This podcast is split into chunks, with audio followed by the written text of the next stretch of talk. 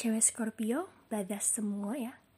They know what they want, gak suka yang terlalu gampang, and push themselves so hard.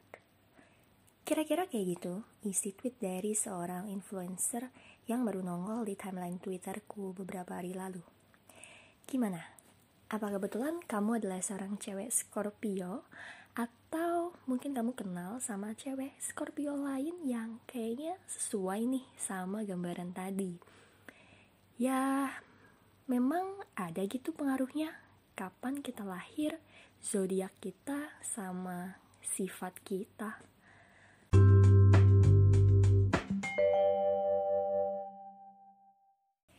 Halo, aku Vini. Sekarang kamu lagi dengerin Eksplorasa. Episode pertama ini kita akan explore tentang kaitan antara hari lahir sama sifat seseorang. Ini sebenarnya sesuai dengan tema challenge di hari ini yaitu hari lahir. Plus karena emang beberapa waktu lalu aku sempat nemuin ya tweet maupun post di sosial media yang ngebahas tentang zodiak-zodiak gitu loh.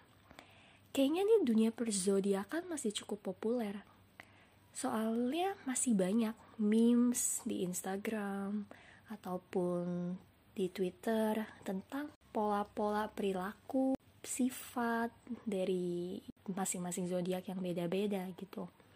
Misalnya nih, Pisces itu katanya dikenal sebagai orang yang punya empati tinggi, paling ngerti lah sama perasaan orang lain. Cuman ya kadang-kadang terlalu emosional dan moody. Hmm, Iya nggak kira-kira? Oke, okay. sebenarnya ya aku paham sih kenapa zodiak ini masih populer. Bahkan katanya kalau kita ketik why are millennials di Google, itu yang nongol pertama kali itu adalah why are millennials so into astrology? Hmm, apakah kamu adalah termasuk milenial yang kayak gitu? Seru sih ya, kalau misalnya kita nemu hal-hal yang rasanya sesuai sama diri kita. Rasanya kayak ada yang ngerti gitu. Atau kalaupun gak dipakai buat diri sendiri, ada juga nih yang menggunakan zodiak-zodiak ini buat nebak kepribadian orang lain. Ya misalnya kan, kalau misalnya punya gebetan, tapi daripada cuma stalk profile medsosnya, ya mungkin bisa nyoba ngira-ngira orangnya kayak gimana sih dari lihat zodiaknya dia. Nah, sebenarnya memang teori astrologi atau teori yang percaya bahwa kapan seseorang lahir berkaitannya dengan kondisi letak matahari, bulan, dan planet di waktu itu, itu tuh mempengaruhi sifat atau kepribadian orang. Itu udah bermula dari lama banget. Itu dari 2400 tahun yang lalu kira-kira di Babilonia. Hal ini tuh semakin meluas lagi saat masuk peradaban Yunani dan semakin populer juga sampai bahkan di tahun 2020 ini aja masih banyak banget gitu. Konten-konten post di sosial media tentang orang-orang yang menjadikan zodiak ini sebagai bahan buat cerita tentang diri mereka buat lucu-lucuan juga gitu ya Meskipun teman-teman percaya atau nggak percaya sama zodiak, pasti tahu ya zodiak kalian masing-masing tuh apa gitu, sesuai dengan kapan kalian lahir. Ya, sepopuler itu. Dan sebenarnya karena astrologi ini udah bukan hal baru lagi, maka sebenarnya dia juga udah diteliti dari tahun 70-an. Di psikologi sendiri udah ada banyak penelitian yang mencoba nih untuk membuktikan apakah benar ada nih kaitannya antara sifat seseorang sama kapan dia lahir? Sama apa sih zodiaknya dia? Yang aku lihat dari Astrological Indicators of Personality sebuah artikel yang ada di The Journal of Psychology itu dari tahun 74 mereka udah mengumpulkan orang-orang lalu mereka coba untuk mencari tahu karakteristik seperti tingkat agresivitas mereka, tingkat ambisiusnya, terus kreatif, intuitif, dan juga ekstroversi. Ya mungkin teman-teman udah pernah dengar ya, extrovert, introvert. Nah, hal seperti itu mereka coba ukur pada sekelompok orang. baik itu dia menilai dirinya sendiri maupun temennya orang-orang itu juga disuruh menilai nih eh, orang-orang ini menurut kalian orangnya seperti apa berdasarkan dengan poin-poin yang tadi udah aku sebutin. Ternyata waktu dilihat hasilnya itu tuh nggak ada kaitannya. Yang nggak berarti Pisces itu kelihatan banget nih mereka paling kreatif. Atau misalnya oh Scorpio ternyata yang paling agresif. Nah pola-pola kayak gitu tuh nggak ditemukan di penelitian itu.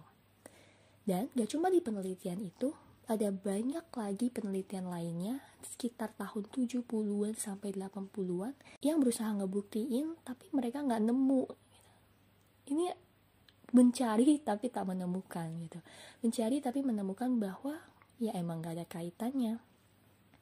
Makanya nggak heran kalau misalnya dari tahun 78 aja udah ada artikel ilmiah yang judulnya Why Astrology is a Pseudo Science yang diterbitin di Philosophy of Science. Pseudoscience ini sendiri itu adalah teori-teori yang dianggap tidak ilmiah ya. Ada dua alasannya. Yang pertama, karena teori ini tuh nggak berprogres dalam waktu yang lama jika dibandingkan dengan teori-teori alternatif lain. Jadi misalnya ya bidang astrologi ini ya tadi kan sama aja dari tahun 2400 sampai sekarang tahun 2020 gak banyak ada perkembangan.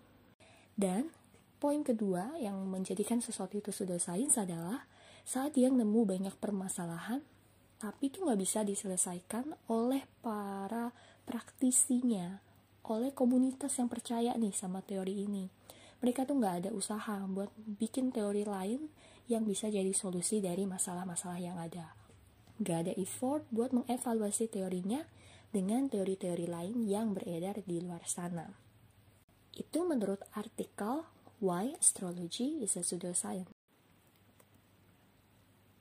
Jadi sebenarnya dari tahun 70-an aja para peneliti sudah mengambil kesimpulan bahwa astrologi ini gak dianggap sebagai sesuatu yang valid pertanyaannya terus kok ya masih populer ya sampai sekarang? Hmm kalau menurutku mungkin karena astrologi ini berevolusi. Karena dari cara penyampaiannya sekarang mereka bisa luas banget tersebar di sosial media dan dalam kemasan konten yang menarik. Yaitu tadi ada banyak memes yang lucu gitu kan. Jadi gabungin antara gambar dan kata-kata kalimat yang mungkin pendek atau singkat tapi itu relate buat sebagian besar anak muda. Dan kadang lewat zodiak kan gak cuman memberi penjelasan tentang sifat kita tapi mereka juga ngasih prediksi kan akan masa depan. Misalnya kira-kira gimana nih percintaanmu nantinya? Keuanganmu kayak gimana? Terus uh, kira-kira akan ada permasalahan apa? Atau hidupmu bakal lancar jaya gitu kan apalagi ini udah mau akhir tahun mungkin orang-orang udah mikir aduh tahun 2021 gimana ya?